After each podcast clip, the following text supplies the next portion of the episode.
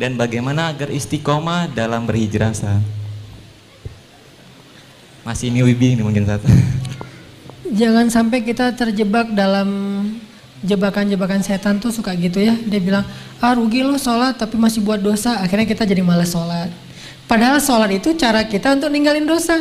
Inna sholata tanhal fasya wal mungkar. Itu sifat dari sholat itu mencegah kita dari dosa. Udah Ustaz tapi nggak tercegah. Lihat minimal ada rasa feeling guilty kan. Itu bukan bukankah itu bagian dari progres spiritual dalam diri kita? Dulu kita kan nggak feeling guilty berbuat dosa. Sejak kita mulai sholat, berbuat dosa mulai feeling guilty kan, walaupun nggak langsung bisa meninggalkan, itu udah progres loh. Dan itu udah terbukti bahwa sholat itu benar-benar tanha al wal mungkar. Mulai ngerasa nggak enak, mulai ngerasa malu. Dulu nggak ada malunya, malah bangga lagi berbuat dosa. Sekarang malu. Bukankah malu itu bagian dari iman? Berarti sholat membangun keimanan kita.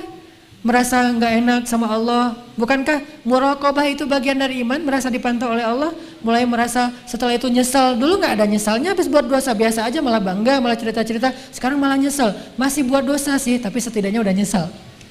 Maka terusin sholatnya perbaiki sholatnya Allah akan perbaiki diri kita dari dosa.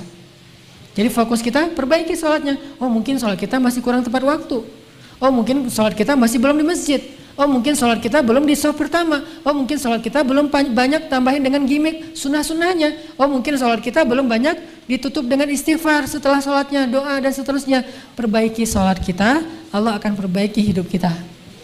Jadi jangan sampai kita terjebak sama setan mengatakan, ah rugi aja kamu sholat banyak dosa. Enggak itu mah kerjaan setan. Yang bikin kita jadi merasa sholatnya jadi sia-sia. Enggak ada kebaikan yang sia-sia. Sholat itu kan kebaikan, nggak mungkin sia-sia. Tapi masih korupsi Ustadz, masih bohong, masih curang, masih apa. Nggak, itu urusan lain. Yang jelas, jangan sampai gara-gara udah terlanjur bikin dosa meninggalkan kebaikan yang sudah kita kerjakan. Itu lebih buruk lagi keadaannya. Makanya mending sholatnya perbaiki, nanti Allah akan perbaiki hidup kita. Ini persepsi yang harus kita bangun ya, jangan sampai terkesannya gak usah lah e, menghijabi kepala daripada kita udah berhijab tapi masih suka ngomongin orang, mending kita menghijabi hati. Nggak ada menghijabi hati. Karena menghijabi hati itu sesuatu yang buruk. Khatamallahu ala qulubihim. Allah menutup hati mereka kan? Hati itu jangan ditutup, hati itu dilapangkan, dibuka. Alam nasyrah laka sadrak. Jadi yang benar menutup kepala, membuka hati, bukan menutup hati, membuka kepala kebalik. Menutup hati, membuka kepala. Summum bukmun umyun. Bahaya tuh.